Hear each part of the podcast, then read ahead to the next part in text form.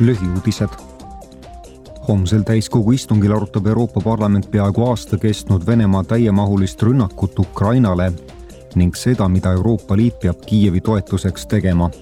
resolutsioon pannakse hääletusele ülehomme.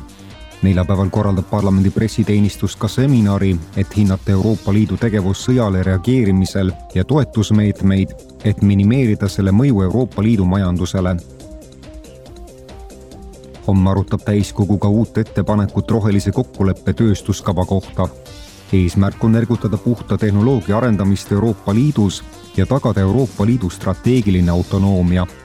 arutelust võtab osa ka Euroopa Komisjoni president Ursula von der Leyen.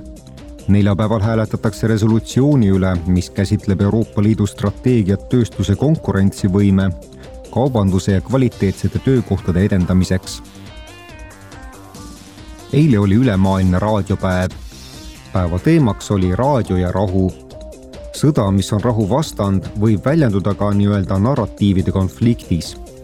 raadio kaudu võib tõepoolest õhutada konflikte, ent professionaalne raadioajakirjandus leevendab pingeid, takistab eskaleerumist ning toetab leppimist alates kahe tuhande kaheksateistkümnendast aastast on Euroopa Parlamendil oma veebiraadio, et teavitada kodanikke parlamendi tegevusest veebiraadio kuulamiseks sisestage veebibrauserisse otsingusõna Europal raadio või avage nutirakendus Citizens äpp.